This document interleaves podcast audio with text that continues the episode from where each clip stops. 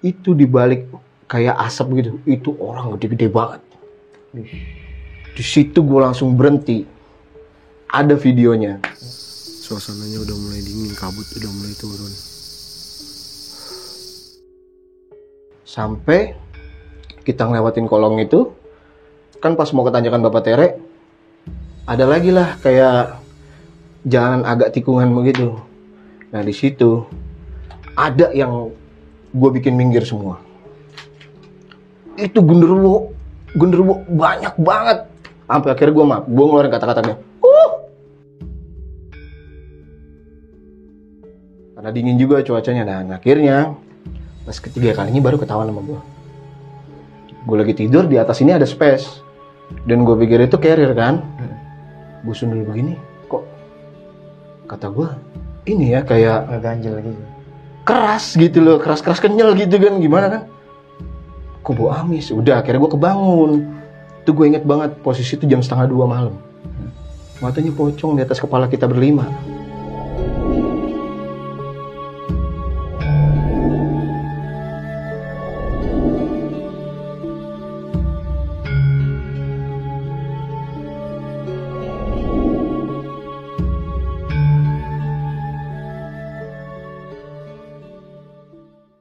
Assalamualaikum warahmatullahi wabarakatuh. Balik lagi bersama gue Ibnu Fitro Sidik dalam channel Timur Misteri. Apa kabar teman-teman semua? Semoga kita semua selalu diberikan kesehatan, diberikan kemudahan rizki, serta diberikan kemudahan dalam segala urusan-urusan kita. Seperti video sebelumnya, kali ini gue sudah menghadirkan narasumber yang akan bercerita pengalaman misterinya untuk kita semua. Tapi sebelum itu, lagi-lagi buat teman-teman semua yang nonton video ini yang belum subscribe, langsung aja subscribe, like, and comment, serta aktifkan loncengnya agar mendapat notifikasi dari video terbaru Timur Misteri. Nggak berlama-lama lagi, seperti janji gue tadi, langsung aja kita berkenalan sama narasumber yang ada di samping gue ini. Sedikit gue menjelaskan, di perjalanannya narasumber gue ini menceritakan pengalaman pendakian gunung, dampak dari melakukan pendakian yang ganjil, sehingga banyak teror-teror yang datang di pendakian itu. Tapi untuk lebih lanjutnya, kita berkenalan sekaligus kita minta ceritanya. Ya. Apa kabar, Bang? ah baik Eh, bang apa sih bang ini? bolot waseso Bolot Waseso. Iya. Oke. Narasumber gua kali ini Bang Bolot Waseso. Iya. Oke Bang Bolot, sebelum Bang Bolot bercerita, kita ngobrol-ngobrol dulu Bang ya. oke Hmm, bang Bolot masih suka naik gunung nih Bang? Oh, dibilang naik gunung sih masih suka, cuman karena kondisi gestur badan udah mulai nggak memungkinkan, jadi skip dulu lah. Oh udah jarang nih. Iya, udah jarang. Terakhir naik gunung itu 2018. 2018 terakhir. Iya, Ke mana Bang? Gunung Ciremai. Ciremai. Ciremai. Nah yang diceritain ini? Ya ini kisah yang di Gunung Ciremai ini kita naik ganjil itu. Oh berarti terakhir tuh? Ah itu Sampai terakhir sekarang naik. belum? Sampai sekarang belum belum ada niatan lagi. Oh jadi di pendakian terakhir itu ya? Iya. Nah, tapi ada Bang niatan mau ke gunung? Niatan mau ke gunung sih ada gitu kan, cuman kan karena porsi badan itu udah gemuk ya. Hmm. Sekarang beratnya ya udah nggak proporsional lah. Jadi buat naik sedikit aja jalan tanjakan jadi agak capek. Kalau dulu kan beratnya masih balance lah gitu kan, ya jadi enak dibawa naiknya gitu. Jadi ada tahap eh, latihan dulu sekarang ya, Nah, buat- iya, karena kan bawa gunung. carrier yang 15 kilo atau 45 kan nggak mungkin kuat. Nah, Bang Bolot. Ya. Nah, Bang Bolot ini kan punya channel YouTube, Bang ya? Iya. Channelnya apa sih, Bang? Eh, beda mistis. Beda Mistis. Tapi saya itu sebagai co-hostnya, hostnya itu Bang Dev. Oh, jadi Bang di balik layar. ya? Ah, jadi kalau misalnya Bang Dev lagi nggak mau explore atau capek gitu kan, biasanya kan dia kan yang sering survei tempat gitu kan. Kita kan karena dadakan kalau bikin konten gitu, jadi aneh yang disuruh masuk. Oh, jadi co-host ya. Iya, co-hostnya. Nah, berarti itu live, Bang. Live, live. Terus eh, explore explore. Explore. Lebih ke indoor apa outdoor explore ya, Bang? Hmm, kalau kita tuh free sih, Free. di mana aja ya kayak kuburan kita explore, kayak rumah-rumah yang terbengkalai kita explore, gedung-gedung kosong gitu. Berarti Abang juga dapat rekomendasi dari orang. Iya, bisa dari juga orang. gitu. Bisa. Nah, buat teman-teman semua nih yang mempunyai rekomendasi tempat-tempat angker bisa ngubungin ke mana, Bang? Ketik ke YouTube-nya. Ke YouTube tim Beda Mistis. Beda Mistis Ah. ya. Nanti teman-teman bisa intip channelnya Bang Bang Bolot di Beda Mistis. Linknya gue cantumin deskripsi dan teman-teman yang mempunyai rekomendasi tempat nih untuk Bang Bolot ini explore, teman-teman bisa komen di channel ini nanti kita sambungin ke Bang Bolot Bang ya. Iya. Oke Bang Bolot. Ya. Eh, di pendakian Abang ini ke Cireme ya, Iya. Ganjil. Iya. Itu ngalamin pendakian apa? Eh, ngalamin misteri apa tuh Bang? Dari pertama kali datang itu pengalaman ganjilnya itu banyak sih. Banyak kendala gitu. Ah, ah, sebenarnya kita itu nanjak empat orang bang. Hmm. nanjak empat orang tapi karena temen ada satu dia ngambil cuti dadakan bukan cuti sih kayaknya off tapi besoknya dia nggak masuk gitu kan dan udah gitu dia ngikut gitu loh dan udah kayak gitu nambah lagi kayak kejanggalan kejanggalan itu semakin gimana ya di hati itu semakin Kuat. santer banget gitu semakin kuat kan dan pada akhirnya ya udahlah lanjut aja gitu kan Dipaksakan berarti. ya? dipaksakan Oke Nah, bang, tahan Ah. bang. Tahan, tahan. siap Pasti teman-teman semua penasaran nih sama kelanjutan cerita Bang Bolot ini. Tapi lagi-lagi gue mengingatkan apa pun yang nanti diceritakan sama Bang Bolot bukan bermaksud untuk menakut-nakuti atau memberikan hal negatif untuk teman-teman semua, melainkan cerita Bang Bolot ini kita jadikan pelajaran untuk kita bersama. siap Oke, Bang Bolot, udah siap cerita Bang? siap Simak terus video ini karena sudah gue rangkum dalam segmen Kong Kumis, Kongko Kupas Buat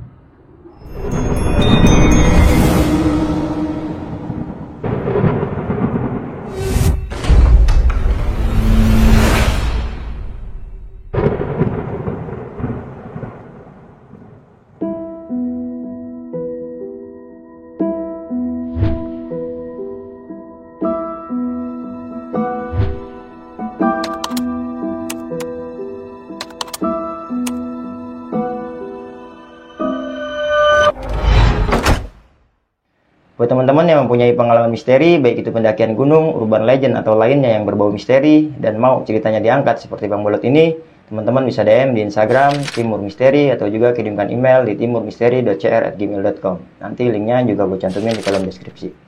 Nggak berlama-lama lagi, langsung aja kita masuk ceritanya.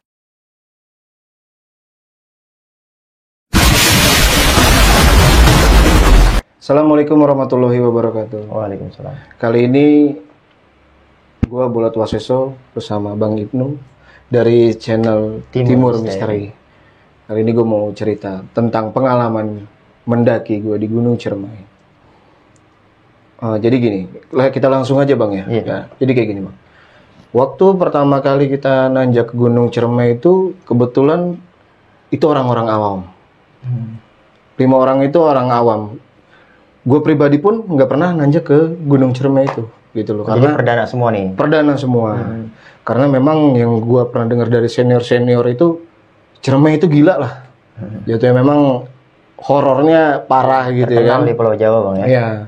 Ya tapi karena memang niat kita ke sana pengen liburan gitu kan. Istilahnya pengen healing-healing lah kalau kata anak sekarang gitu kan, pengen santuy gitu kan. Ya udah, akhirnya kita mendaki ke sana. Itu posisi kita lima orang. Eh tadinya empat orang, ikut satu, jadi ganjil kan, lima orang kan. Kita berangkat itu jam 10 dari Bekasi, nyampe terminal Kampung Rambutan itu jam 12 Hmm. sampai jam 12 dan akhirnya kita di situ dibohongin sama bis kan ngomongnya terakhir gitu katanya. Bis terakhir nih mau berangkat. Salah katanya masih nungguin orang masih muter-muter di situ kan. Ya udah deh kita bilang kita sabar aja. Dan akhirnya gua ngerasa di situ nggak enak karena kita naik ganjil kan. Niatnya mau mau gue batalin tuh. Hmm. gue mau batalin tapi kok hati gue penasaran sama ini gunung gitu loh. Gue pengen gitu ngedaki ke situ tuh gue pengen. Katanya horor paling horor di Jawa Barat gitu. Coba deh. Ya udah akhirnya dengan tekad alhamdulillah kita nyampe di sana tuh sekitar jam 11 atau jam 10 gitu.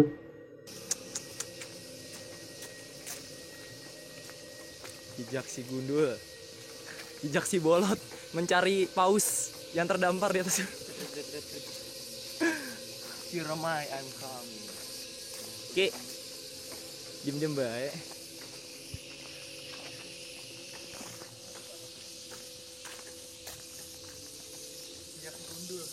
Jejak si bolot Salah.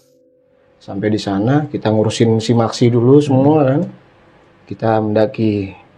Kita mendaki itu istilahnya dari pos 1 kita kan sempat berhenti dulu kan itu pas mijak bawah kaki gunung aja itu hati itu udah geder aja gitu. Gue yakin nggak ya gitu loh. Iya. emang sih istilahnya gue tuh sering bang ke gunung gede gitu loh kan. Sering ke gunung gede bolak balik gitu kan. Ya istilahnya adalah tiga kali empat kali gitu kan. Tapi kok ini gunungnya beda gitu loh. Gue napakin kaki di situ tuh kayak hati cemas tuh ada gitu loh hati cemas tuh ada. Tapi ya kembali lagi gue yakinin diri gue gue naik lah gue bawa pikiran positif gue mikirin temen juga kan karena temen juga istilahnya pengen ya have fun lah di atas gitu pengen niatan liburan gitu kan karena kan depresi juga kerja gitu ya bang ya. Ya udah pada akhirnya gue sama teman-teman naik lah. Sampai pos 1 kita naik nih ganjil. Di situ tuh pengalaman itu tuh padahal siang ya kita naik itu itu hal aneh udah ada. Jadi lima orang kita naik di belakang gue ini kayak ada rombongan. Kayak ada kayak ada rombongan gitu loh. Ya 11 atau 12 orang lah. Kayak rame gitu kan. Dan akhirnya gue nemuin kayu satu. Gue takut lah kenapa kenapa gitu. Takutnya hewan buas atau apa gitu kan. Gue bawalah kayu itu. Kayu itu gue bawa sampai pos 3 sampai pos 3 Ciremai itu kan. Ya udah dari situ gue ngerasa udah aman karena pos 3 itu kan udah terbuka ya. Iya. Udah terbuka. Sempat berhenti dulu di situ di tempat camp itu kan. Ya udah gue mastiin. Bener nggak ada orang di belakang kita kita orang gitu kan. Ya gue juga ngasih jeda ke anak-anak buat minum buat makan apa gitu biar ngerasa nggak lapar gitu ya kan. Ya udah Eh, selanjutnya pas kita mau naik ke pos 4 tadinya nih dua orang dulu teman gue naik. Sama dia juga orang awam nih dua orang ini dia naik. Dia orang awam baru naik gunung itu kan nah gue masih bertiga nih. Gue masih bertiga. Di situ tuh gue udah ngalamin kayak ada orang yang manggil gue di pos 4 itu di balik pohon bambu. Jadi ada pohon gede ada pohon bambu sampingnya. Kayak dipanggil gitu suges gitu kan. Cuman gue mikirnya demi temen gue harus selamat temen selamat. Ya udah gue berangkat lah. Entah di pos berapa karena gue takut teman-teman gue capek nungguin gue gitu kan. Akhirnya yang satu orang ini gue suruh naik. Namanya Polo kan gue suruh naik. Lo lu naik aja duluan gitu kan. Maksudnya ngecek yang di atas aman apa enggak. Sisa lah tinggal gue sama si Ricky nih. Badan gue udah gemuk dong gue naik nggak bisa main speed dong ya kan? Istilahnya santai lah gitu yang penting nyampe gitu kan. Nah pas gue nyampe di kuburan kuda itu gue berhenti dulu sama si Ricky temen gue Abang udah kepecah badan rombongan ya? itu udah kepecah dari rombongan itu kabut turun kabut. Itu kabut dari gunung itu kelihatan udah nggak kelihatan jalan ya kalau kita yang pernah mendaki gitu pernah ada pengalaman gitu loh. Itu kabut turun pas ketika gue bilang berhenti sama si Ricky itu Ki berhenti dulu gue capek gitu kan. Gue duduk gue ngerokok sebatang lah buat ngilangin suges. Itu dibalik kayak asap gitu itu orang gede-gede banget.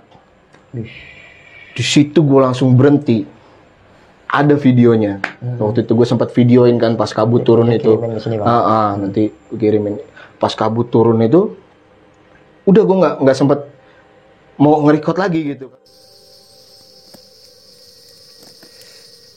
Sampai juga di pos 6 Tanjakannya curam. Lebih ekstrim Makin ke atas Makin curam Suasananya udah mulai dingin Kabut udah mulai turun. Jago banget dah. Oh gue lagi sama dia nih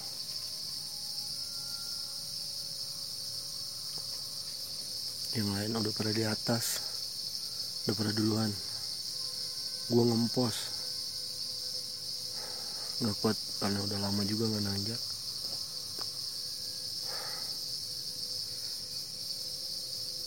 mantep banget pokoknya Ciremai luar biasa. Kayak ada merinding-merindingnya gitu.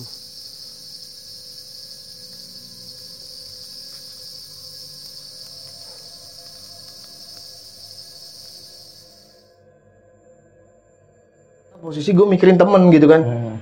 gue sama temen gue lagi ya kan. Gue takutnya gue kenapa-napa dia jin itu masuk ke gue atau kayak gimana gitu kan. Teman gue nggak punya kebiasaan gitu loh. Ntar gue kesurupan atau kayak gimana tiba-tiba gue ngebantai dia atau kayak gimana. Tuh udah sugesnya udah jelek banget ya. Udah akhirnya gue bakar lah rokok lah. Gue hisap rokok dulu. Duduk istilahnya gue sambil zikiran gitu kan. Setelah kabut itu naik kabut itu naik udah gue nyoba jalan lagi ya teman-teman nanjak lagi nanjak lagi. Pas mau ke tanjakan seruni tanjakan seruni nah akhirnya temen gue yang kena suges jadi kayak ada pohon belok begitu tuh. Di sininya tuh kayak ada jurang ada pohon gitu agak curam gitu kan. Dia nyolek gua bang lu dengar suara macan nggak? Padahal itu yang gue lihat Gundurwo lagi duduk di atas itu. Cuman gue bilang itu suara kucing kali kucing hutan gue gituin jangan suges udahlah oke lah habis dari situ si Ricky masih tetap was-was nih ya kan? Kabut turun lagi. Berhentilah itu gue di situ. Udah suara macem-macem dah tuh di situ tuh. Cuman gue tetap bikin si Ricky ini teman gue nih dia itu biar pikirannya positif nggak ke bawah suasana gitu. Takutnya dia ke bawah suasana suges. Masuklah kita di bawah tanyakan Bapak Tere tuh sebelum Bapak Tere ya pos 7 dulu kan. Nah udah kayak gitu si Ricky tuh ngelihat bola mata terbang itu tuh bola mata bener asli bola mata dan dia nyolek gua posisi dari sini sampai depan situ lah. Bang itu mata bukan? Terus akhirnya gue bilang bukan ki itu kunang-kunang biangnya kunang-kunang itu rajanya gue bilang gitu. Serius bang? Iya serius itu bukan apa-apa ki. Udah akhirnya udah ki tenang dulu duduk ki gitu. Akhirnya gue jadi ngomelin dia tuh. Ki lu duduk biar lo gak suges. Lu baca doa sebisa lo mungkin gitu kan ya udah mau nanjak lagi mau nanjak jadi gue ngelewatin pohon. Dan kita tuh emang kalau mau ketanyakan bapak Tere itu ada pohon yang Melintang gitu ya? melintang gitu kita harus lewat kolongnya. Iya. dan itu kuntilanak di atasnya bos.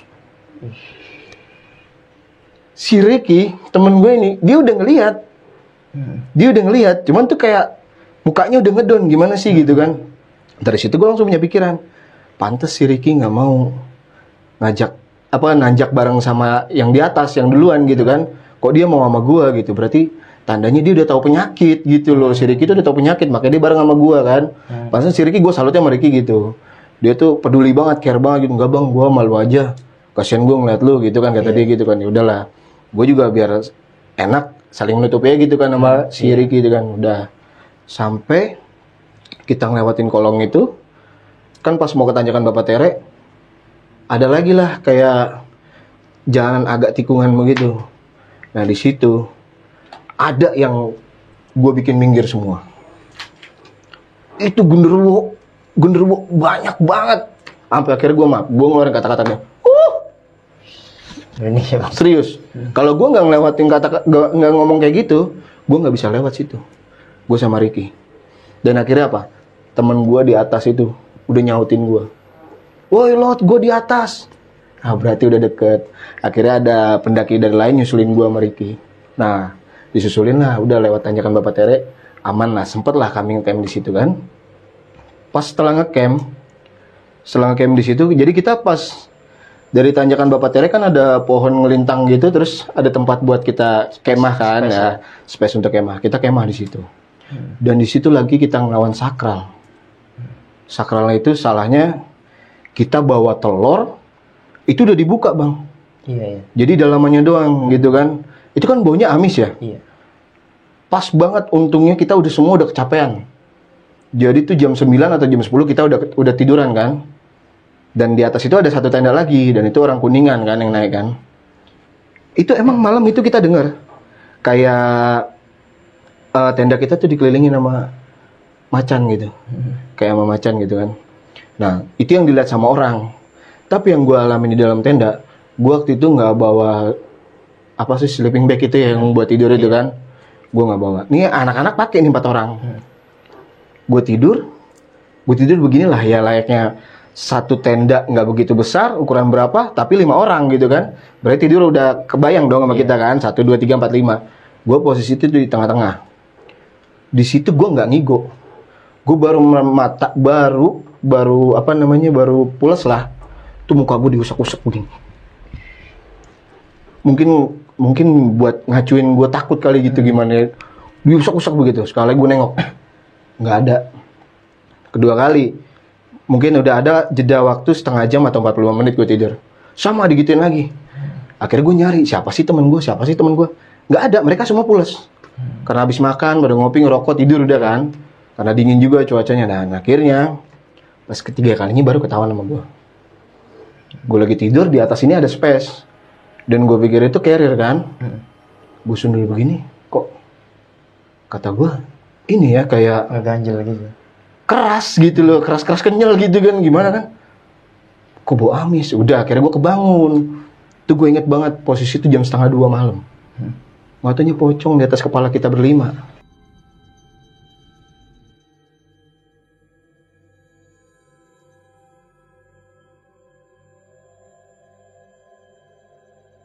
Akhirnya gue tidur deh. Gue tidur, gue nggak mau cerita ke anak-anak gitu kan. Gue nggak mau cerita ke anak-anak. Anak-anak ini sebenarnya udah penasaran, pengen denger cerita gue gitu kan. Dan akhirnya gue ungkap di sini lah biar teman-teman yang kemarin naik sama gue tuh lima orang itu, biar lo ngelihat ini ceritanya langsung.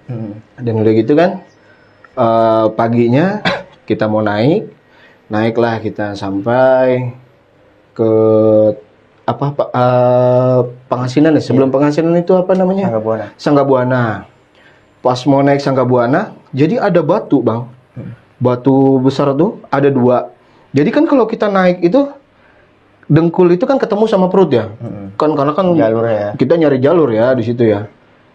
Itu batu udah mati, Bang. Udah mati ke endap sama tanah. Dua-duanya. Kan ada pohon. Ya, gue pijak kan, gue injak itu kan. Tiba-tiba itu batu keluar sendiri dan gue jatuh. Itu nimpa kaki, Bang. Dak! Udah. Dari situ gue suges gue udah jelek. Nah dari atas. Rincing, rincing, rincing, rincing. Nggak taunya kuda, Bang. Kuda nggak ada kepala.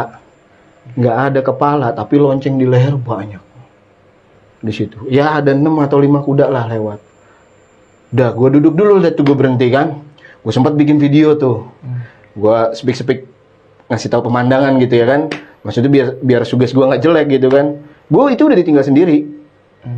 Yang empat orang itu udah pada naik karena kan posisi alam udah terbuka ya. Maksudnya kalau kita hilang pun kelihatan gitu kan. Ya udah, udah nyampe lah di pos pengasinan. Di situ penentuan gue antara gue muncak atau enggak.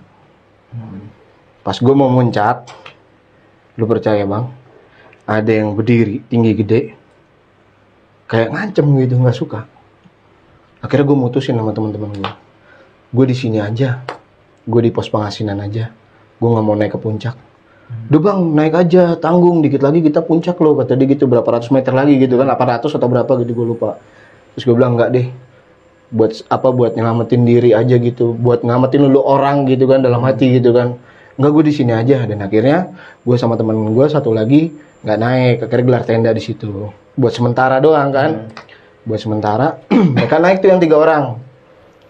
Sampailah mereka turun dari puncak, turun dari puncak, ja- sempat jeda berapa menit gitu, mau turun ke bawah. Di situ pasokan air udah nggak ada udah habis karena kita tuh so baik. So baiknya apa? Gara-gara di pos 3 ada mapala turun ke bawah, kehabisan air, kita kasih. Hampir 2 liter atau berapa liter gitu. Dan kita juga nggak tahu kan karena memang jatuhnya langka lah air air di situ Ya, kan. Ciremai emang susah airnya. Iya, ya udah. Dari situ kita kehabisan air. Terakhir itu kita cuman sisa ada sih air segini. Tapi kan kalau bagi lima orang, kalau orang habis nganjak dari puncak kan nggak mungkin dong Iya. istilahnya cukup gitu loh ya kan ya udah akhirnya kita turun turun maksain tuh buat turun ya kan maksain buat turun itu kondisi udah gelap. Udah di atas maghrib udah di atas maghrib. Pas badan maghrib sempat berhenti kan. Karena posisinya gua gua udah jatuh. Jatuh karena nahan haus ya dehidrasi ya. Gua udah jatuh temen gua juga porter gua juga udah jatuh kan. Gua bilang nah akhirnya udah deh. Pas habis turun kita dari tanjakan Seruni kita ngecamp tuh bang. Macam lagi. di tanjakan Seruni. Nah kita ngecamp di situ ngecamp di tempat yang sebenarnya nggak diizinkan buat ngecamp sih gitu kan. Di situ kondisi kita logistik udah habis air nggak ada tambah sugesti juga kan. Kita gelar tenda itu ya jadi cuma gelar tenda udah nggak pakai alas lagi gitu kan. Tidur tuh kita berlima di dalam. Tuh perut udah kelaparan. Itu kondisinya bang. Bener bang. Kalau misalnya gua nggak kuat sama anak-anak mungkin kita udah koit di situ karena kehabisan air. Nah udah gitu diuji lagi bang. Suara banyak bang suara-suara malam tuh banyak di situ ya kan? Ya namanya hewan-hewan buas itu nggak mungkin. Suaranya tuh ngeledek orang buat keluar tenda. Pertama oh oh oh gue dengerin gitu kan. Gue sempet nih gue buka seret gue ngelongok nggak tahu di samping tenda kita tuh ada perempuan kan. Jadi kita tuh di tengah-tengah jalan bang. Ngecamp tuh tengah-tengah jalan mutusin jalan akses jalan mereka gitu kan. Iya. Udah tuh suara banyak tuh bang, entah suara apa aja deh tuh. Sampai akhirnya kan kita kan kewalahan tuh lima orang. Gue sempet tuh eh, apa namanya eh, ngechat ranger yang di bawah kan gue bilang, bang tolong naik ke atas, ada yang cedera gitu. Gue udah cedera, gue udah pincang, gitu kan. Apa eh, kalau misalnya bawa air bisa bawa air, tolong bang bawain. Nanti berapapun gue kasih, gue gituin kan ya. Tapi kan karena koneksi jelek kan, jaringan nggak sampai di situ akhirnya. Ya udah, akhirnya kita bermalam di situ. Kondisi perut udah lapar, udah keloncongan kita kehabisan air ya kan. Akhirnya banyak gangguan yang istilahnya mau gangguin kita. Pagi-pagi setengah tujuh aja, temen gue buka apa namanya eh, tenda. Di depan tenda itu kalau dia nge, itu kuntilanak lagi duduk di depannya dia. Tuh, ketawa cekikan kan kata dia. Ih suara burung bagus nih, padahal bukan burung. Itu tuh kuntilanak depan mata lo gitu ya kan. Ya udah dari situ akhirnya dua orang turun. Yang teman gue namanya Ricky sama si Polo itu turun. Maksudnya buat ngambil air duluan gitu kan. Dan akhirnya apa? Saking gua nggak kuat bertiga nih sama temen gue itu gue turun minum air dari batang bang. Jadi gua ketemu air minum pakai ujung tutup botol aqua. Minum ya kan? Pokoknya sedapatnya air dah. Survive lah ya. Iya, pokoknya dapat air dari mana pun gitu. Yang penting kita bertahan gitu kan. Pas udah nyampe pos 4, eh pos 3 kita ketemu sama teman kita yang turun bawa air kan. Ya udah. Udah ketemu kita minum, udah relax, santai dulu. Maksudnya jangan jangan ada apa-apa lagi, semoga jangan ada yang ngikut gitu ya kan. Karena gue turun tuh. Gua turun. Nggak taunya di pos 1 udah ada yang nungguin ranger gunungnya. Namanya Abazul dia nungguin di situ katanya kita ngedaki seharusnya cuma semalam jadi dua malam di situ ya kan? Ya karena kendala kita kehabisan logistik gitu loh bang. Iya. nah di situ gue diurutkan sama Abazul gue percaya Abazul itu mau ngurut gue karena orang dari luar itu akan sembuh diobatin ketika dia nanjak ke gunung itu dipegangnya sama orang pribumi gitu loh ya kan? Oh iya. ya udah akhirnya diurut lah tuh sama si Abazul itu. Pas diurut alhamdulillah bang kaki lancar. Nggak sakit lagi gitu nah keanehannya lagi keanehannya lagi seperti ini jadi pas Abazul abis turun kita ke pos 1 itu kan jadi ada pemandian tuh di bawah tuh Hmm. bukan pemandian sih jatuhnya kayak mata air gitu Iya. mata air mandi dulu katanya mandi dulu katanya gitu. memang porsinya kalau orang gerah dan kepanasan kalau kita mandi itu pasti badan kita keluar asap bang Iya. aslinya itu aura ya itu namanya aura ya dan ini enggak beda. Memang mereka keluar asap. Hmm. badan mereka pada keluar asap. Gue juga mandi pun ngerasa badan gue keluar asap. Itu hawanya eh, eh, asapnya tuh nggak putih merah. Ih. asapnya warnanya merah. Gue ngeliat teman-teman gue badannya berasap. Makanya dari situ gue bilang ini gunung paling gila. Gunung paling gila. Dari situ sampai sekarang dibilang mau naik ke Ciremai ya gue berpikir dua kali. Iya. gitu loh berpikir dua kali. Karena apa? Gue nggak mau lagi ngajak orang yang awam. Bukannya apa takutnya kan dia udah dengar kisah yang seperti ini ya kan? Dia nggak kuat mental terus kenapa-napa di jalan gitu loh ya kan? Gue mau nanggi, eh, mendaki itu sama orang yang siap mental gitu loh ya kan? Pokoknya pas gue turun tuh teman-teman pada nanya bang lu semalam ngerasain apa? Gini gini gini mereka pun sama ngalamin kejanggalan-kejanggalan yang gue alamin gitu tapi mereka nggak berani cerita. Ada yang mau buka omongan gue tutup. Nanti aja kita cerita di bawah. Bukannya apa? Karena kalau misalnya kita cerita di sini takutnya kita pulang nggak selamat. Lebih baik kita menghargai aja. Dia memang ada istilah kata gitu. Dia memang ada ya tapi gimana caranya kita nggak sugesti diri gitu loh. Jadi kita pulang dengan selamat gitu kan. Akhirnya turun sampai ke bawah itu sampai ke Posimaksi ya alhamdulillah kita ada kenalan ya kan. Nggak tahu yang punya warung di depan Posimaksi itu tangga kita orang Pondok Gede juga gitu orang Pura Melati ya di situlah kita dijamah makan apa pun. Udah pikiran positif semua. Akhirnya kebuang lah energi-energi negatif gitu kan udah relax udah baru kita berangkat pulang jadi gitu bang ceritanya Oke. Bang Bolot ya. ya Gokil banget ceritanya. Jadi teror-terornya banyak Bang Bolot. wah itu gokil lah Oke, oke. dua satu hari dua malam itu terornya luar binasa kalau dibilang Nah, gue juga mengingatkan buat teman-teman, lagi-lagi cerita Bang Bolot ini kita jadikan pelajaran untuk kita bersama Bang ya. iya Bukan bermaksud untuk memberi, menakut-nakuti atau memberikan hal negatif nih buat Iya. teman-teman semuanya.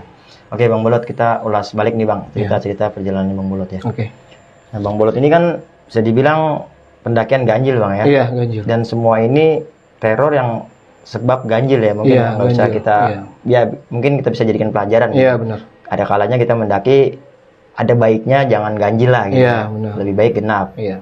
nah sehingga bang bolot ini memaksakan untuk naik dan teror-teror ini semua berlangsung Iya. Saya mau bertanyakan pertama yang tentang batu ini nih bang Iya. nah itu batu kan batu mati Iya. yang bang bolot bilang tuh Iya. tanam tanah lah gitu Iya, iya. itu pas bang bolot pijak pohon buat pegangan Iya. nginjak batu itu batu itu kuat Batu itu langsung keluar. loncat Jadi kayak gimana sih? Kayak batu itu niatan pengen nimpah badan gitu loh.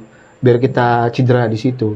Tapi karena gua ngehindar, gua jatuh badan duluan. Akhirnya kaki nyangkut kan? Karena kan posisi itu gue naik begini nih. iya iya Nah, jadi jatuh gitu. Nah, akhirnya inilah yang ditimpa. Jadi kayak kalau batu sewajarnya memang dipijak jatuh ngelinding, itu kan wajar ya. Tapi ini kayak diangkat, dilepas gini, das.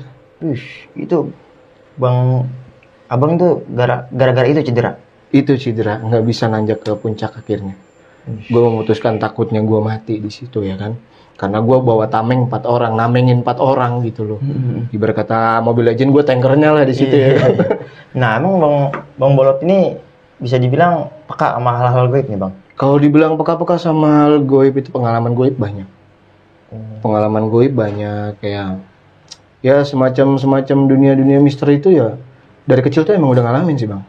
Jadi karena peka juga ya bisa Iya, bilang ya iya. peka sama gaib sehingga Iya. banyak yang bang bolot lihat tapi teman-teman Iya. ini nggak ngelihat gitu kan Iya. ketika ngelihat apa tuh yang sosok kuntilanak di depan tenda mereka bilang kan suara burung Hmm. Iya. dan yang bang bolot lihat itu kuntilanak Iya. jadi kan bang bolot lebih peka dari mereka gitu Iya. benar. jadi banyak suatu hal yang bang bolot tutupin untuk nggak memberi sugesti buruk Hmm. buat teman-teman ya Dan ini tuh sebenarnya momen epic bang. Mm-mm. Benar di sini tuh momen epic karena apa? Gue tuh nggak pernah cerita ke orang. Mm-mm. Pertama kali gue cerita itu di Timur Misteri. Wih, berarti special edition ya, Bang. Special edition Luar buat Bang. Ibnu lah buat Timur. Misteri lah. terima kasih bang Misalnya gue nggak pernah cerita bang, jadi gue pernah punya kebiasaan itu nggak mau ngomong. Jadi apa yang gue lihat itu kan karena kan orang ada yang percaya atau tidak. iya iya Takutnya gue dibilang halu lah, Mm-mm. halusinasi atau kayak gimana. Tapi kalau mereka udah terjun sendiri bareng sama gue, dia ngerasain, baru dia bisa nganggap gue seperti itu. Bang. buktiin ya bang ya Iya. Kalau memang mau mau bukti ayo naik bareng Iya, sama gua gitu ya Iya, itu banyak teror-teror nah sepekanya bang bolot nih iya. se- dalam sepengetahuannya bang bolot ya Iya. tentang penemuan-penemuan yang bang bolot rahasiain itu mereka punya tujuan atas dasar apa sih bang Tujuan atas dasarnya itu yang terutama yang di gunung ini. iya Ya satu sih karena memang temen itu kan ada yang agak sompral ya. Hmm. Maksudnya bahasanya maaf kayak jancu, asu, apa Hmm. gitu kan. Dan gue juga sempet protek dia sih. Mm-mm. Maksudnya kita jangan kasar ya ngomongnya gitu loh, yang biasa-biasa aja gitu. Iya. Tapi memang porsinya temen gue ini memang orangnya cara bicaranya memang seperti itu, logatnya ya. seperti itu, udah karakter, udah karakter pribadi. Jadi gue mau ngelarang pun nggak bisa, terserah dia gitu loh. Yang penting satu kita jaga tangan, jaga ucapan, jaga ucapannya itu nggak boleh kayak ngomong anjing secara kontras gitu, Mm-mm. ngomong lapar secara kontras gitu ya kita gantilah dengan cara-cara lain gitu Iya. kan. Terus dengan membedakannya naik gunung sama gue tuh, gue nggak manggil nama, maksudnya bang gue nggak manggil nama. buat ke teman-teman apa Iya, jadi kayak misalnya lo naik sama gue nih bang nih, Hmm. gue manggil Ibnu gitu, itu nggak mungkin. oh Jadi gue tuh punya ciri khas sendiri. kode gitu bang Nggak, ah, kayak yang tadi gue bilang, gue bilang, wah, gitu doang. Hmm. Itu suara gemak bang kalau gue di gunung serius. Hmm. Dia udah tahu oh berarti bolot di situ tuh. Udah kayak gitu aja. Iya, iya. Nah gue nggak mau manggil nama. Kadang nama itu bisa di apa ya? Bisa dibikin apa ya sama? Muslihat. Iya, tipu muslihat mereka. Karena gue juga punya pengalaman di gunung Jonggol kayak gitu juga. Hmm. Gunung Batu Jonggol, teman gue tuh mau dijatuhin ke jurang. Dari situ gue punya dari pengalaman. panggilan namanya muslihat panggilan nama Jadi nggak panggilan nama, jadi kayak ada yang lambai, Hmm. jadi kayak dibisikin gitu. Kalau udah dibisikin, itu otomatis yang kita denger tuh kayak kita dipanggil namanya. Oh Jadi kita dibawa lama dia. jadi mempermudah dia lah? Nah, mempermudah dia buat ngajak kita gitu, masuk dimensi dia ya kan. Oh, jadi bang atas dasar itu Iya. Gokil sih bang nah terus bang bolot memutuskan di situ nggak jadi muncak tuh nggak ikut muncak ya Enggak ngikut muncak. yang berangkat itu tiga orang Iya, ganjil. dua orang ini nggak Dia juga posisinya bertiga itu aman sih. iya Ya karena gue udah inilah istilahnya udah ngejamin diri gue sendiri Hmm. gitu. buat keselamatan Ah, nggak buat keselamatan lah ya. mereka gitu kan takut mereka ada apa-apa gitu kan karena mereka naik pun gue ngitung jam bang Hmm. gue ngitung jam mereka kita nyampe tuh jam berapa dia lupa pokoknya setelah bak dasar kita denger ajan di bawah kan Hmm. mereka udah sampai gitu makanya makanya gue bilang kita turun tuh malam gitu kan sampai di bawahnya tuh malam jam 7 habis isya lah kita baru sampai gitu Nah, terus eh, Bang Bolot nih ya bisa dibilang di kondisi yang nggak ada air, Iya. di lapar, memutuskan buat camping itu bukan atas dasar malah menambah kekhawatiran bang ya. ya Dasar udah malam ya, nggak Iya.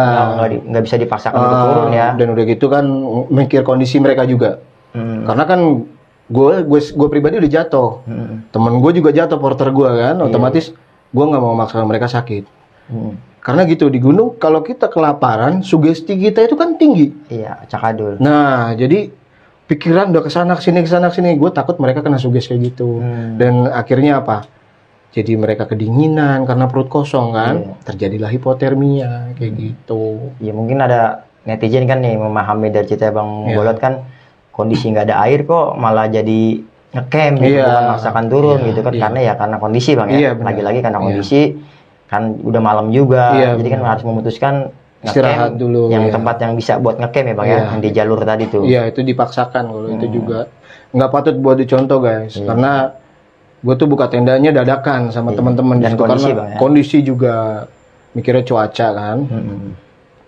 Jadi memaksakan ya semua itu terpaksa ya Bang ya. iya terpaksa Hingga akhirnya Bang Bolot turun dan alhamdulillahnya sampai ke bawah ya Bang ya. Sampai ke bawah selamat dengan semuanya selamat. dan nggak ada kendala-kendala ya. nggak ada kendala apa-apa Cuman dari teror-teror goib itu aja. teror goib Nah, terus eh, dari teman-teman Bang Bolot nih masih pada mau naik ke sana lagi Bang? mereka sih mungkin mau ya tapi yang namanya Ricky ini waktu itu sih pernah dibecandain gitu kan Ki mau lagi nggak ke Cermek nggak deh bang kata dia kayaknya sih dia udah, udah kapok. Kayaknya dia udah kapok.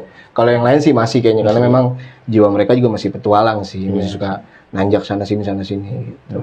Oke Bang Bolot sekali lagi terima kasih banyak Wah, udah mau cerita di Timur Misteri. Semoga cerita Bang Bolot ini kita jadikan pelajaran untuk kita bersama. Oke Bang Bolot sebelum kita tutup video ini mungkin Bang Bolot ada pesan-pesan nih buat pendaki-pendaki gunung. buat teman-teman di luar sana yang suka mendaki pesan-pesannya sih cuman jangan sompral ketika kalian memasuki rumah orang ya satu kita harus beri salam jangan kita sompral di sana gunain bahasa-bahasa yang kotor bukan kita takut sama setan ya tapi lebih menghargai itu lebih bagus intinya kita sama-sama menghargai karena di setiap tempat mau di rumah di gunung di laut itu pasti ada penghuninya. Jadi jaga diri kalian baik-baik, jangan sampai yang namanya kalian terjebak dan akhirnya apa kalian sompral. Contoh banyak kan kayak yang di gunung itu sering hilang karena apa? Mereka itu melawan hukum alam, mereka itu egois. Jadi jaga keselamatan, jangan sompral itu aja pesannya. Oke Bang Bolot terima kasih banyak. Ya. Sedikit gue juga menambahkan eh, etika Bang ya. Iya. Etika gunung ketika di gunung gitu kan nggak hanya di gunung sih sebenarnya.